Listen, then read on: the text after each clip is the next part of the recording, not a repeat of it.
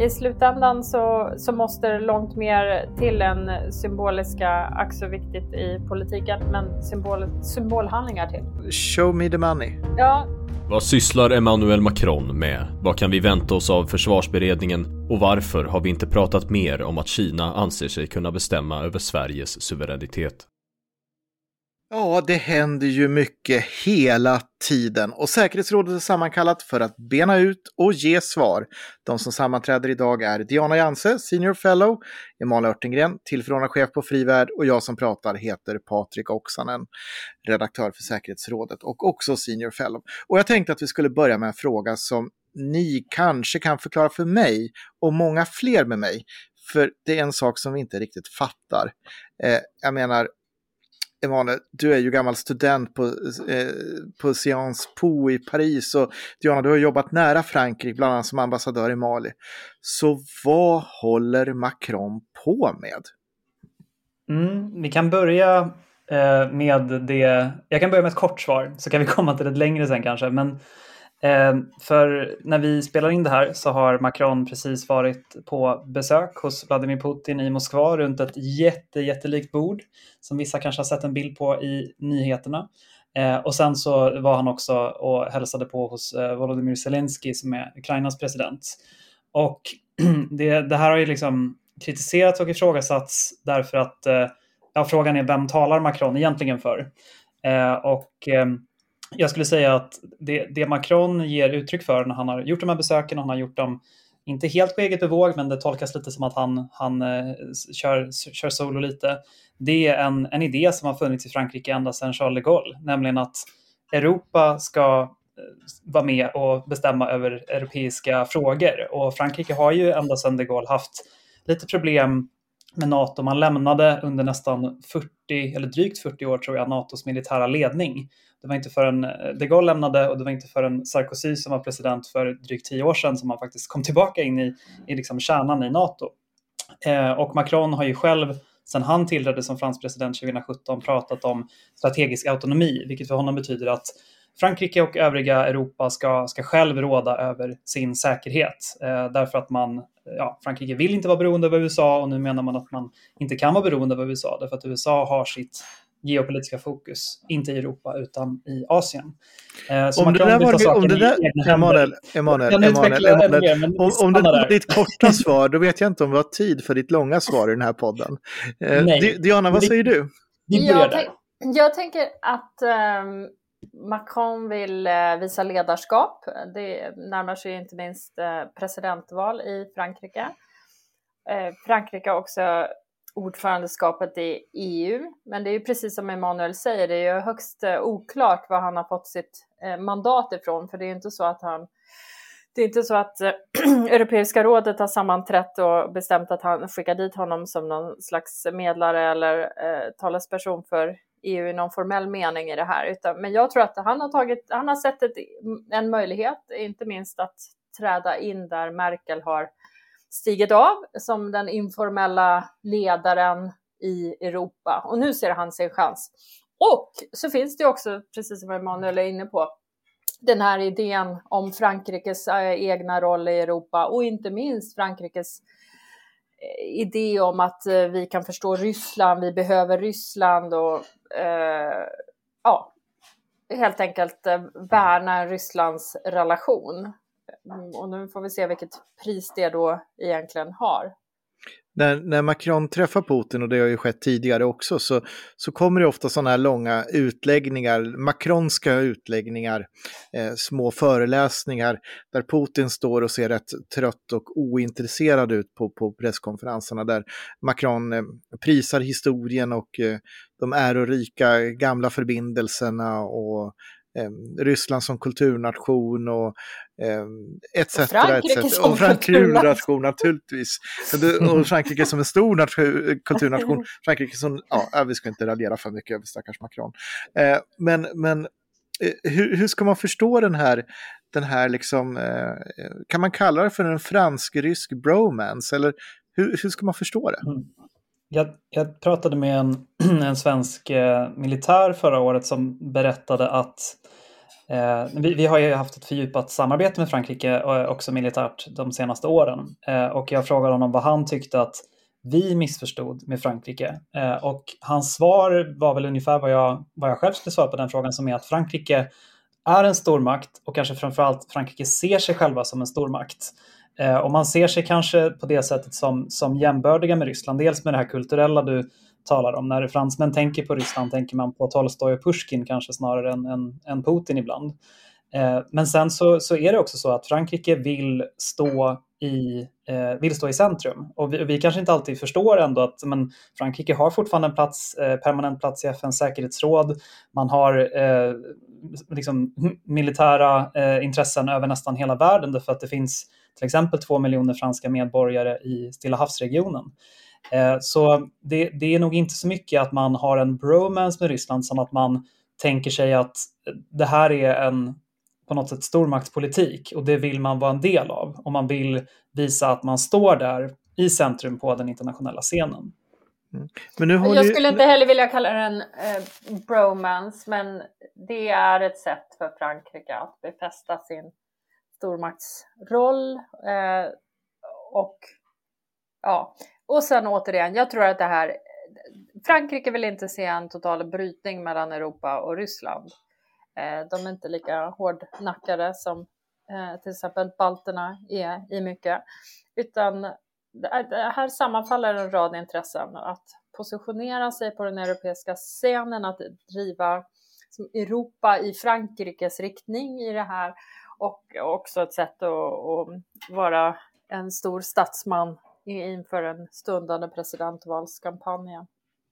Samtidigt så har ju eh, Ryssland, eller håller Ryssland på ska vi säga, att eh, utmanövrera Frankrike i Mali, där du har varit ambassadör Diana, Wagnergruppen, eh, de, de ryska legoknektarna som är, är så att säga eh, ett ryskt verktyg i geopolitiken som Ryssland kan, kan svära sig lite grann fria från, fast vi vet att det inte är så eh, egentligen.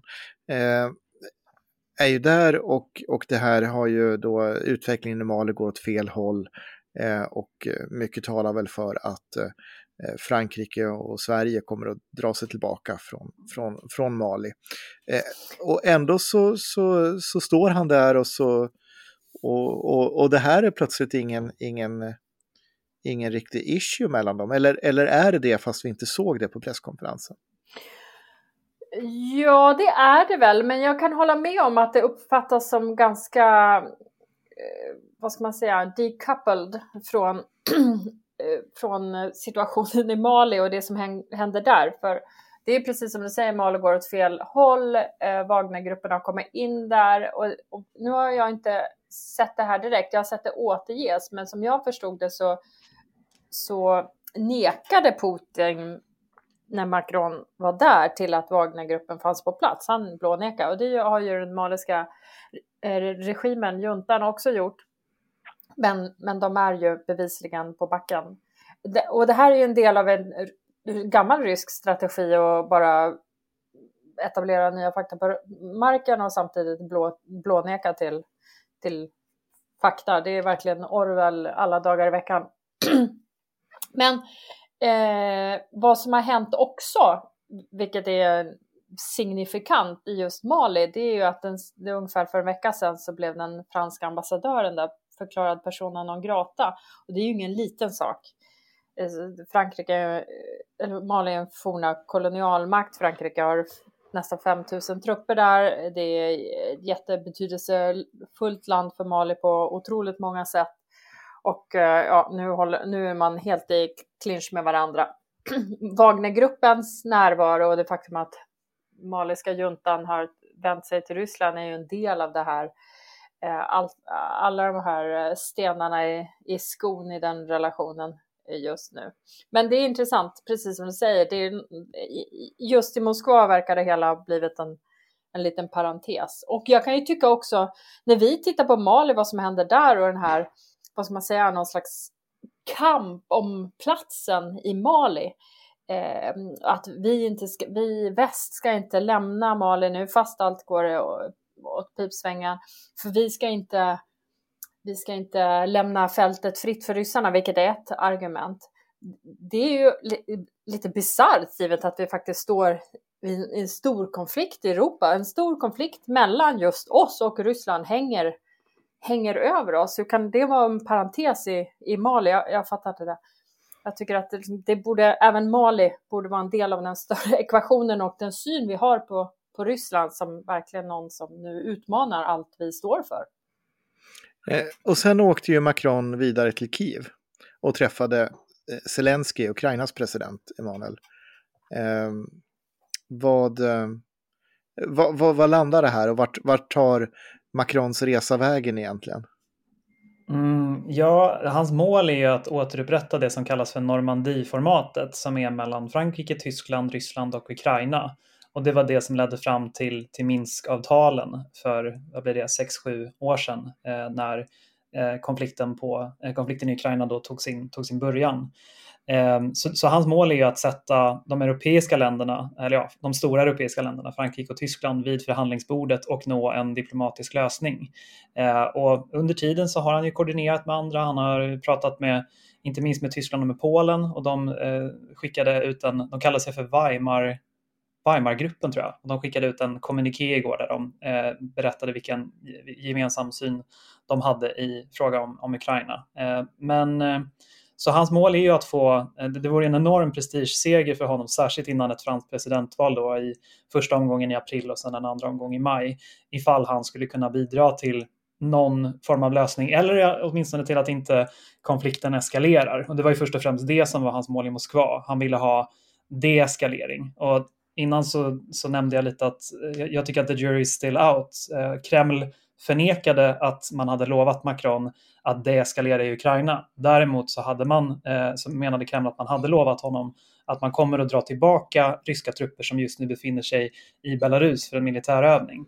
Så vi får se om det här lyckas eller inte och om det finns något som man kan ta, ta vidare. Fast han sa, som jag läste Kremls uttalande så var det inte att de sa just dra tillbaka utan att de skulle mm. lämna. Så de kan lika gärna ja. lämna genom att gå in i Ukraina. Det var min läsning det, som djävulen läser Bibeln. Jag tycker mm. det är jätteintressant det där med Macron åkte eh, till Kiev och det är väl det minsta man kan begära för att, eh, för att återknyta till det vi sa inledningsvis. Vem företrädde Macron mer än sig själv och Frankrike?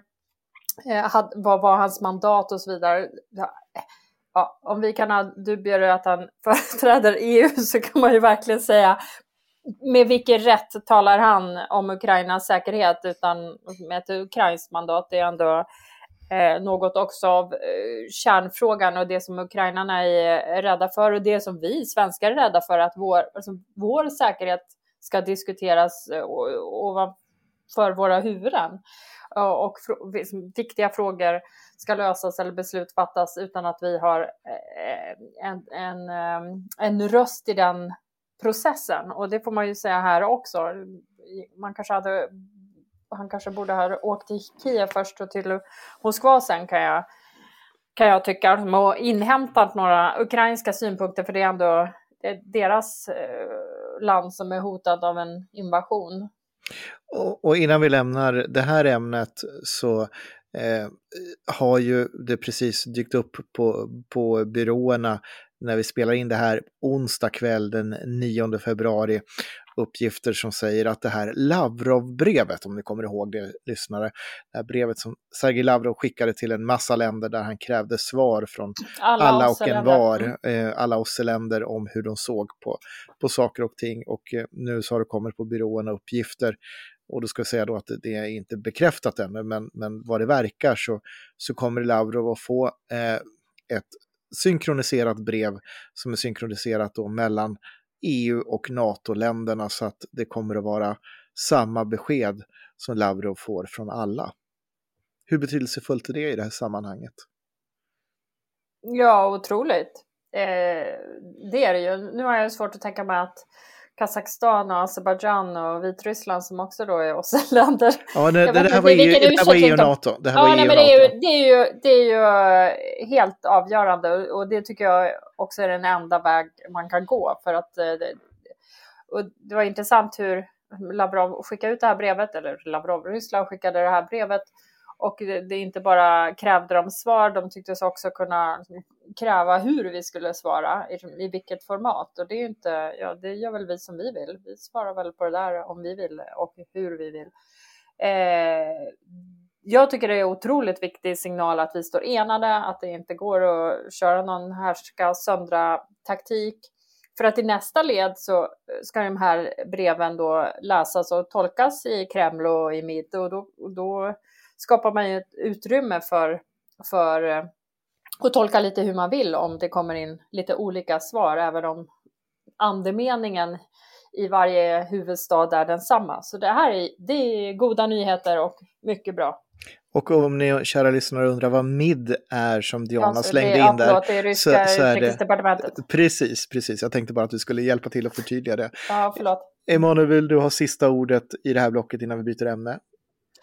Nej, men det är klart att det är jättebra med enighet. Eh, det, det enda jag, jag tänkte som jag tänkte koppla din fråga där till, till en, en annan grej från Macrons besök, det var ju att eh, det är värt att notera att han i presskonferensen efter mötet med Putin explicit nämnde att det här att NATO står öppen för Sverige och Finland. Sen nämnde han inte Ukraina i den meningen, vilket man kanske ska eh, ta fasta på tycker jag. Och eh, alla NATO-länder har ju eh, vetorätt när man ska fundera om man ska ta in nya medlemmar. Så att, eh, och om vi ska vara ärliga så är det väl inte helt sannolikt att Ukraina åtminstone inte inom överskådlig framtid blir NATO-medlemmar. Men att han höll ut den, eh, den signalen till, till Sverige och Finland, det var eh, det är någonting vi, vi borde eh, ta fasta på. Det finns en enighet om att vi ändå är en del av den här gemenskapen.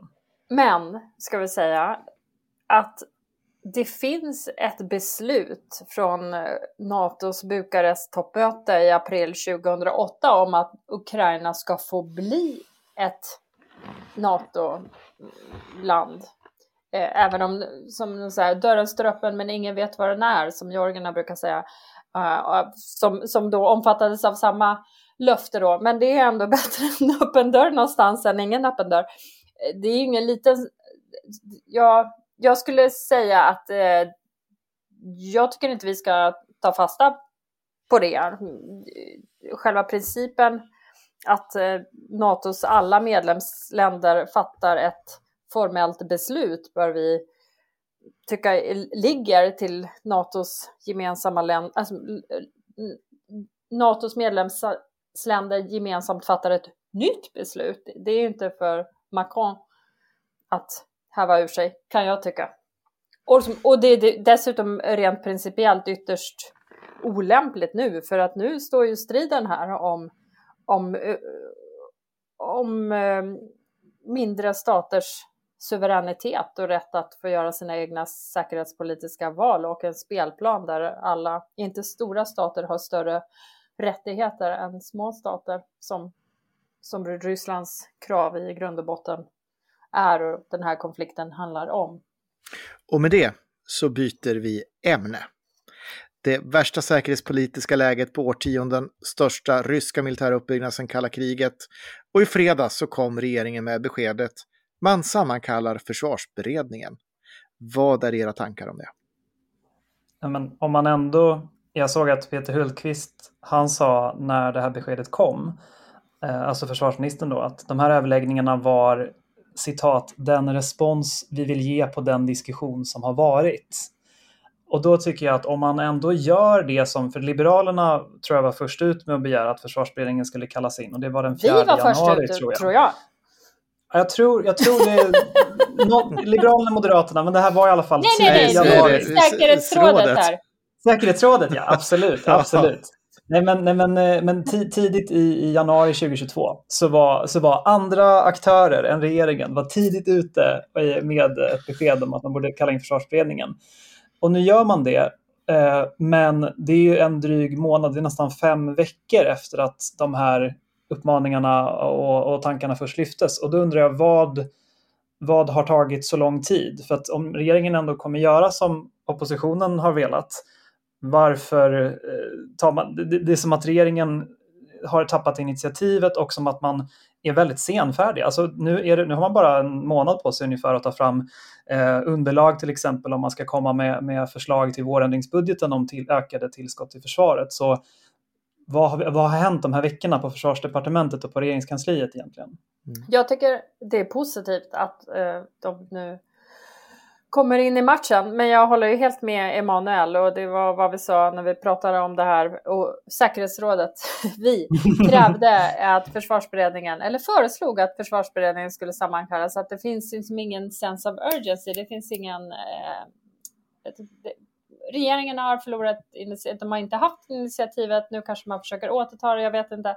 Vi får se. Eh, det, det, det, finns ingen drive. Vi, regeringen backar in i det här och vad jag förstår också så finns det inte direkt någon vilja från regeringens håll så här långt att allokera nya pengar utan vad man ser på är framförallt att flytta om befintliga pengar. Så, men, men i grund och botten ändå bra för nu, nu är bollen i rullning och nu är det bara att fortsätta trycka på för, för att det ska bli verkstad. Sen ska vi ju återigen, försvarsberedningen är det, det är ett bra format så till mått att alla partier finns samlade och det är en eh, bra väg till eh, att anslå medel i nästa steg. För att återigen, åtgärder utan medel, det är, det, det är bara varm luft.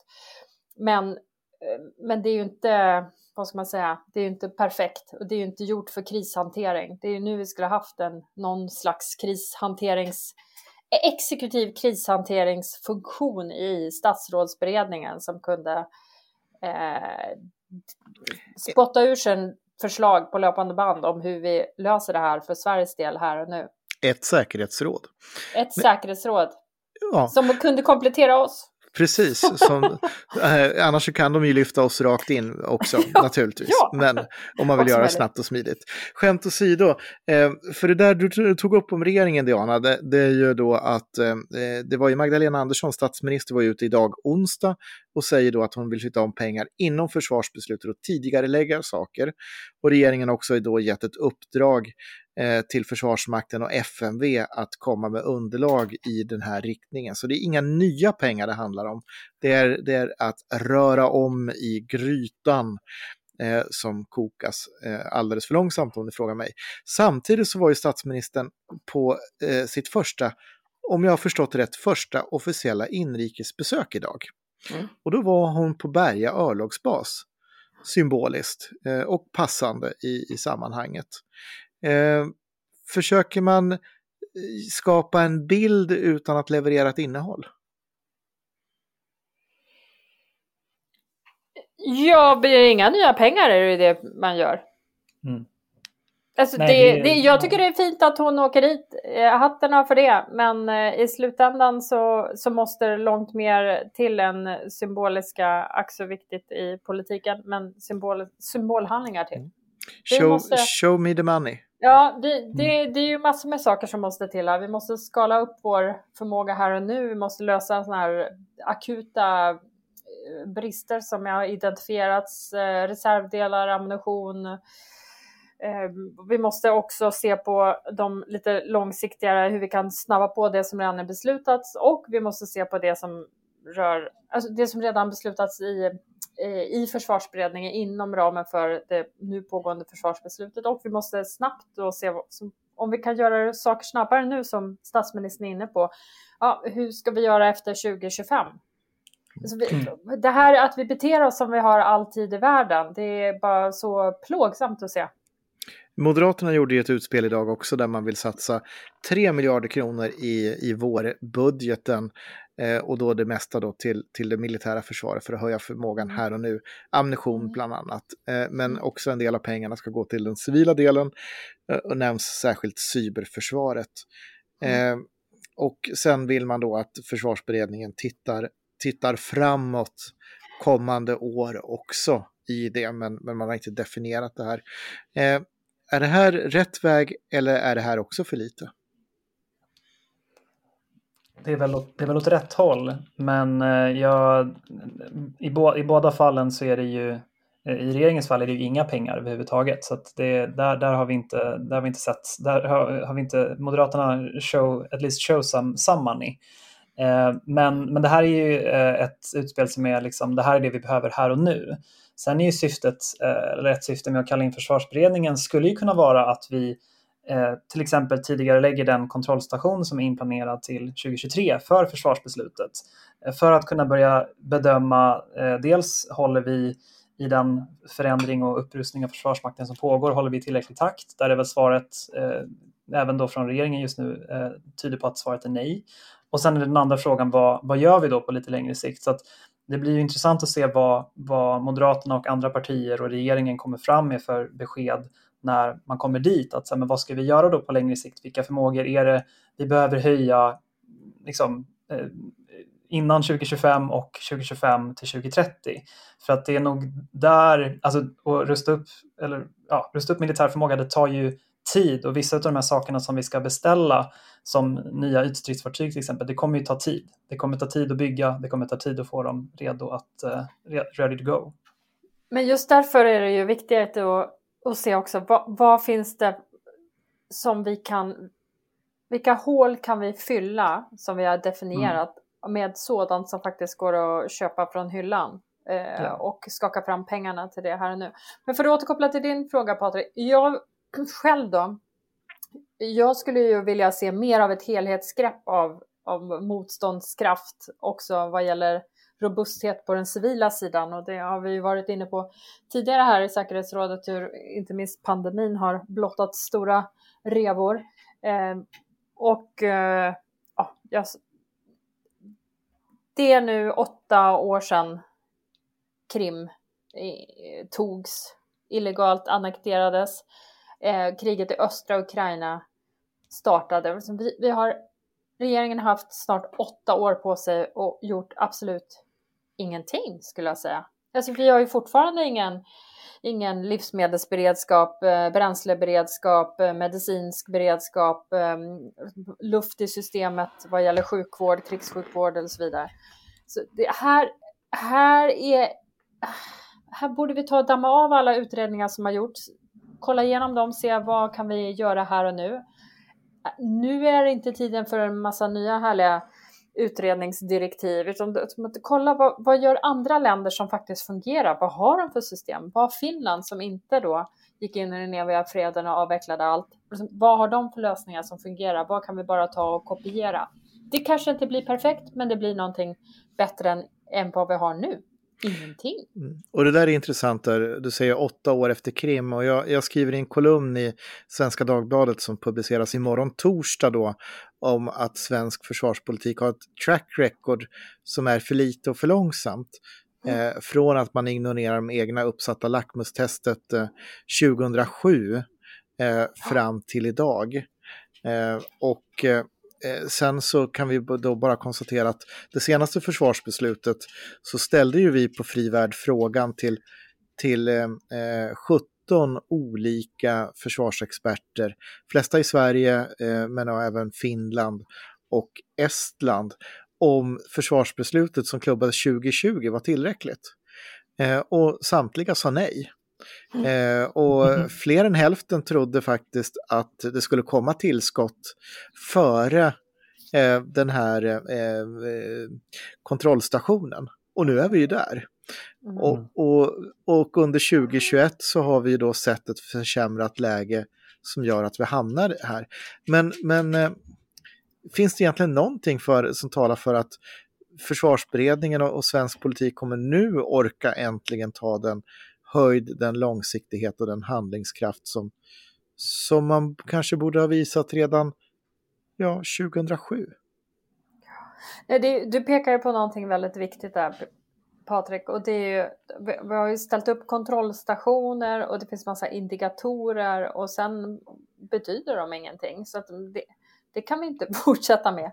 Antingen har vi kontrollstationer eh, som verkligen som är just det och som då automatiskt renderar nya åtgärder om det visar sig att de indikatorerna går åt fel håll.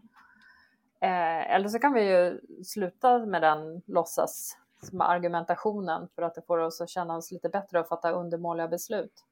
Nej, jag tycker att det är... Nej, jag är... Ja, jag vet inte.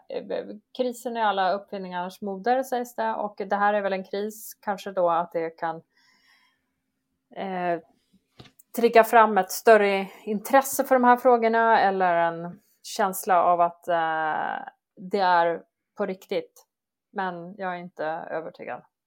Vi lägger ju 400 miljarder eh, är den siffran som har nämnts till exempel för åtgärder att hantera pandemin. Eh, så att, eh, eh och vi pratar om vi ska skrapa ihop ett tillskott till försvaret på 3 miljarder kronor. Ja. Mm. Eh, så att där har vi en, ett storleksförhållande. Men om vi nu mm. bestämmer, eh, eller vi säger så här, svenska folket har i sin vishet nu bestämt att vi har bildat regering och vi har majoritet. Och, och vi då, det, det, det, är väl, det är väl partiet Frivärd då, eller någonting sånt där. Eller, mm. eller vad det nu är, det kan vi strunta i i alla fall. Eh, och i sin vishet då så, så är Diana statsminister, jag är försvarsminister och Emanuel, grattis du är finansminister. Eh, och så går vi till dig Emanuel och säger att vi vill ha 40 miljarder eh, på tre år eh, som ÖB ska förfoga över i, i, i en säck pengar för att kunna fylla på med personal, dubbla mm. besättningar mm. på fartyg, utöka förbanden som de har beredskap. För det är inte bara som så att vi köper, alltså det är inte bara kulor och krut så att säga.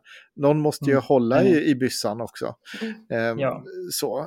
Och, och, ammunition och annat som behövs och att ÖB får förfoga över den där pengasumman på tre år. Uh, mm. Och sen att vi säger då att vi vill nå 2% av BNP utöver den där engångssumman eh, till 2025. Eh, fixar du det finansministern? Som finansminister så får man ofta säga nej. Eh, det, det känns som att det, det, är den otacksamma rollen man får. Men, men jag, jag säger såklart ja, för att nu, nu har vi egen majoritet så nu är det bara att köra. Eh, men eh, alltså, för att det här skulle kunna inträffa, jag tror inte ens att det är så att ett parti, ett försvarsvänligt parti skulle behöva egen majoritet, utan jag, jag, tror att på, alltså no, no pun intended här, att det, vi behöver gräva ner stridsyxan i, inom försvars och säkerhetspolitiken och att eh, framförallt den, den regering som vi faktiskt har behöver eh, på riktigt lyssna på de andra partierna. Eh, och om sex av åtta partier tycker att man ska höja anslagen, ja, men då har vi en majoritet redan. Då borde det inte vara så svårt att skaka fram de här extra miljarderna. Men ja, jag, jag ska, eh, jag, jag, jag, jag, tänker jag ska inte trassla in mig i något längre resonemang, men, men jag bara konstaterar att egentligen så behöver ju inte den här fantastiska supermajoriteten för, åtminstone i teorin, så, så finns den ju redan. Så att 40 miljarder, varför, varför skulle det inte gå att skaka fram annat än eh, av, av liksom att eh, den, den krassa anledningen att det är valår och Socialdemokraterna och den nuvarande regeringen vill prioritera andra saker, vilket säkert en del oppositionspartier också vill för den delen statsministern. Är du nöjd med finansministerns besked? Ja, jag citerar den då förrförra statsministern och säger att ingen uppgift är viktigare, nämligen Stefan Löfven ska lägga till, ingen uppgift mm. är viktigare än försvaret av Sverige. Mm. Så jag är var... mycket nöjd med min, min finansminister. Mm. Och nu har vi löst det hela. Måtte Rosenbad och Helgeandsholmen lyssna. Vi, vi fick inte höra vad försvarsministern tycker i sammanhanget. Nej, ja, försvarsministern. men försvarsministern är ju, är ju försvarsministern säger ju då jag vill ha 40 miljarder till ÖB, jag vill ha upp det här till 2025 och statsministern köpte ju det, 2, ja. 2 till 2025 och, och, som, som och, och, lägga upp en riktning också till vart vi ska till 2030. Mm. Då bör vi ligga på 2,5 procent och, så, mm. och så kommer jag med en, en fin liten plan på det där också. Som statsminister skulle jag göra ett tillägg då, förutom att citera eh, statsminister Stefan Löfven om att inget är viktigare än försvaret av Sverige. Det är att höra, okej, okay, vad tänker finansministern eh, och försvarsministern som nu också får ansvaret för civila, civilförsvaret. Mm. Eh, vad tänker ni göra åt den biten? För att annars blir det ju en total det måste, en, en kedja är inte starkare än sin svagaste länk och vår motståndskraft är helt beroende av det civila också. Och på det temat ska jag bara hoppa in och säga något helt annat. Jag läste faktiskt häromdagen, äh, nej, idag att hemvärnet har fått ett totalt uppsving. Mm. Eh, och de hade dubbelt så många, tror jag, eh, ja. ansökningar i januari eh, än mm. en annan månad, eh, om det var januari förra året eller en genomsnittlig månad. Och här, här finns ju också en, det, är ett militärt försvar, men jag tycker ändå det visar om någonting i samhället som är väldigt sunt eh, och glädjande. Och fru, hoppingivande. Fru statsminister ser det där beviset på att svenska folket i oros och nödtid vilja hjälpa sig själva och riket till gagn Exakt. för alla invånare. Exakt. Ja. Eh, men, men statsministern gav ju här en uppgift också. Eh, och då, då, då är min önskelista lite snabbt. Eh, naturligtvis så är det som så att säkerhetsrådet i, under statsministern i statsrådsberedningen är ju naturligtvis inrättat. Ehm, vi har genomfört då den här utredningen som har att göra med hur civilförsvarsområdena ska, ska göras då med med en gruppering av länsstyrelser där en länsstyrelse får huvudansvar. Eh, till det så, så får MSB ett tydligare roll att leda den så att säga civila delen i, i staten. Ehm, eh, på, eh, liksom som en, en, en, en myndighet som då träder in vid höjd beredskap och övertar en del ledningsfunktioner. Eh, eh, beredskapspolis, ja absolut, eh, den återinför vi. Eh, det ger en, en utökad uthållighet i gråzon. Eh, vi stärker också eh, cyberförsvaret och naturligtvis köper in strategiska produkter som vi behöver för att hålla vår ekonomi och vår befolkning flytande. Men sen också ett väldigt viktigt arbete med näringslivet, att se över mm. vilken omställningskapacitet eh, vi kan förbereda svensk industri eh, på eh, och hålla en beredskap att kunna ställa om produktionen. Som vi såg i pandemins början där, mm. där plötsligt företag började göra ventilatorer och, och skyddsutrustning som inte gör det annars. Den mm. flexibiliteten och den entreprenörskraften i svensk innovationskraft måste vi kanalisera och utnyttja på ett mycket, mycket bättre sätt. Och där tror jag Ja, förlåt. Ja. Där, tro, där tror jag också att det, det gäller jordbruket inte minst. Också. Vad har mm. de för möjlighet att skala upp och eh, hur ser de Ja, och där vet vi ju att idag så saknar ju eh, väldigt många kommuner en krisplan, en reservplan för sin livsmedelsförsörjning. Eh, de har ingen, inget beredskapstänk där. Så en annan viktig sak att snabbt få pla på plats det är då att all samhällsviktig verksamhet ska ha krigsplacering och börja öva sin verksamhet. Eh, och sen mm. också stärka det psykologiska försvaret. Vi har en ny myndighet på plats eh, som, som eh, håller på och eh, får nu, just nu när vi pratar, hanterar en, en större påverkanskampanj, en informationsattack som kommer i huvudsak från, från islamistisk miljö men som bygger på ett gammalt ryskt narrativ. Och det är att socialtjänst i Norden stjäl mm. barn från föräldrar och i det här fallet, i den här kontexten och i den här vågen så handlar det då om, om muslimska föräldrar, eller i alla fall invandrarföräldrar, men mest muslimska föräldrar och det här piskas i islamistiska miljöer på ett sådant sätt så att eh, det börjar bli problematiskt eh, och det kan leda till, till, eh, till också till terrordåd i värsta fall. Så att där behöver vi stärka eh, väldigt mycket också. Samtidigt som att jag skulle säga att utrikesministern som inte är med här behöver eh, då eh, förhandla fram en massa solidaritetsaktioner eh, med, för att hantera cyberangrepp och hybridangrepp tillsammans Utrikes... med andra länder. Utrikesministern mm. har fullt upp att säkerställa ett svenskt NATO-medlemskap. Ja, det också. Så att, mm. så att, eh, eh, men, men, eh, och det där kommer ju att kosta pengar. Det, så att vi, vi behöver belasta statsbudgeten årligen med 10, 15, 20 miljarder ytterligare förutom engångskostnader för att kicka igång det där. Finansministern är öppen för förhandlingar. Det här är en bra finansminister som inte vet hur man säger nej. Det här är en finansminister som förstår stundens allvar.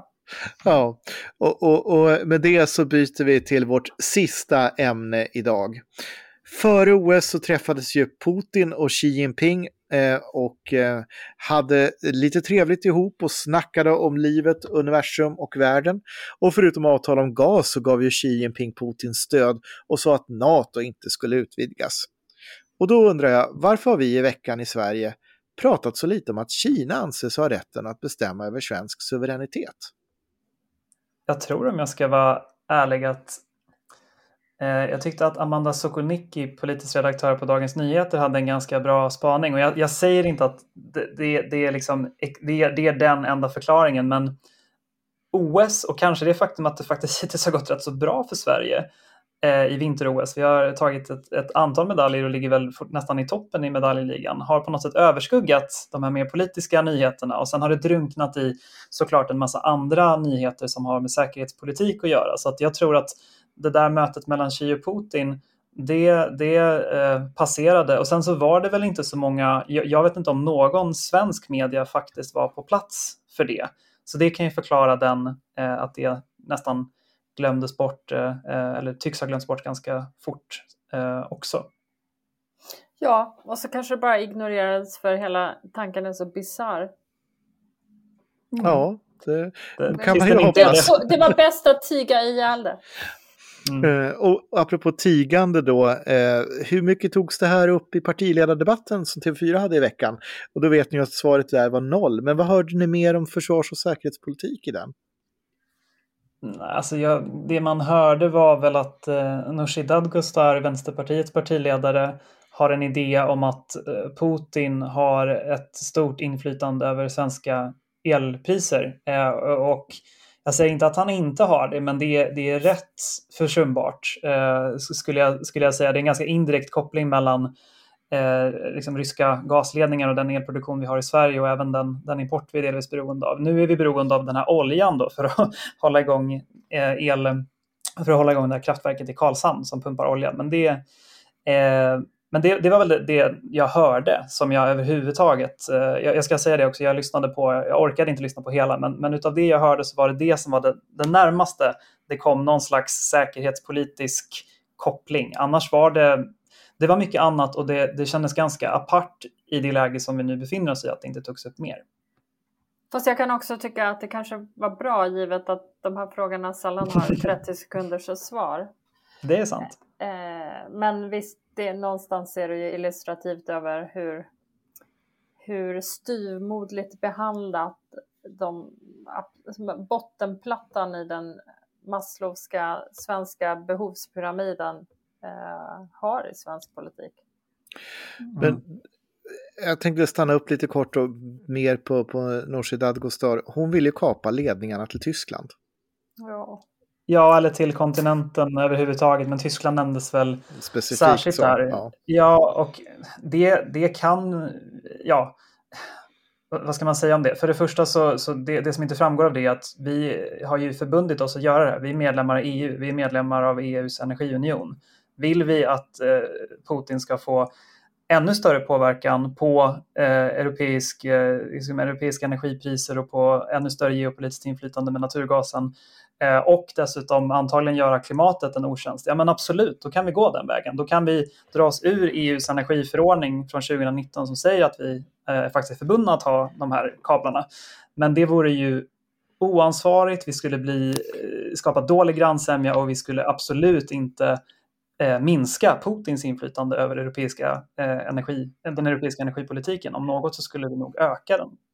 Tävlar nu Nooshi Dadgostar med Jimmy Åkesson som mest säkerhetspolitiskt naiv av partiledarna? Eh, inte riktigt där än, men hon är på god väg tyvärr. Jag tycker det verkar helt eh, snurrigt. Varför skulle vi inte vilja exportera el när vi har mer än vad vi behöver eller importera el när vi har mindre än vad vi behöver. Det, ja, det strider mot varje sunt förnuft, tycker jag. Sen, sen måste vi prata om, om Europas gasberoende och det har vi mm. ju från svenskt håll länge pratat om. Vi har ju ändå till del i alla fall i svenskt politiskt liv varit emot den här Nord Stream och pekat på det ökade tyska beroendet av rysk gas eller kontinentens ökade gasbehov som för övrigt är tvärs emot den eh, energi, den, den riktning som EUs energipolitik säger sig vilja ta, nämligen att, minska, att öka diversifieringen. Nu har mm. vi gått, nu har ju vi med Tyskland i, i täten gått precis fel väg. Ja, men nu har vi väl kommit till vägs ände i den politiken mm. och då måste det, liksom, det måste bli någon form av omtag, nytänk eh, på kontinenten. Ja, det men det, för mig, jag ser det ändå som en annan fråga än våra svenska elpriser, skenande elpriser den här vintern och kommande vintern. Ja.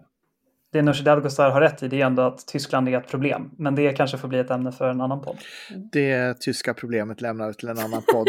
eh, och här då så vill jag ju då bara konstatera att okej, okay, det blev ingen försvars och säkerhetspolitik i TV4s partiledardebatt. Vi har inte haft det i någon partiledardebatt eh, sedan, eh, jag vet inte hur länge, lång tid tillbaka. Eh, vi pratar många, många, många år.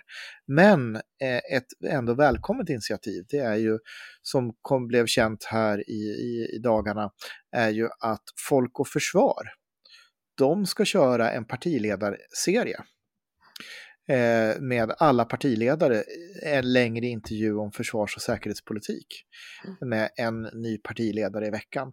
Så det är väl någonting att se fram emot och så får vi hoppas att fler redaktioner tar till sig det greppet och eh, så får vi se då också om eh, vad de ger för svar.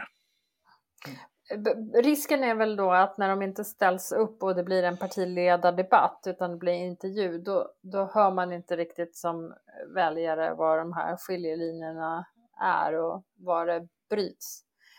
Men, eh, men det är klart, eh, det är ju ändå bra, bra för den politiska debatten och bra för Sverige att alla partier tvingas eh, formulera sig i de här helt essentiella livsviktiga frågorna för Sverige. För Sverige livsviktiga frågor. Och eftersom Emanuel är tyst så får det bli slutordet i dagens podd. Du hörde just Diana Janse säga det sista eh, där i dag. Du har också hört Emanuel Örtengren och jag heter Patrik Oksanen. Det här är en podd från Tankesmedjan Frivärd. Och rösten ni hörde i början den tillhör som vanligt Dino Ekdal och Dino är, har också gjort bearbetningen. Så allting som är fast här på bandet det får ni faktiskt skylla på oss för och inte på Dino. Eh, podden finns där poddar finns. Eh, prenumerera gärna så du inte missar ett avsnitt och kom ihåg Sverige och friheten är värd att försvara. Motståndet upphör aldrig.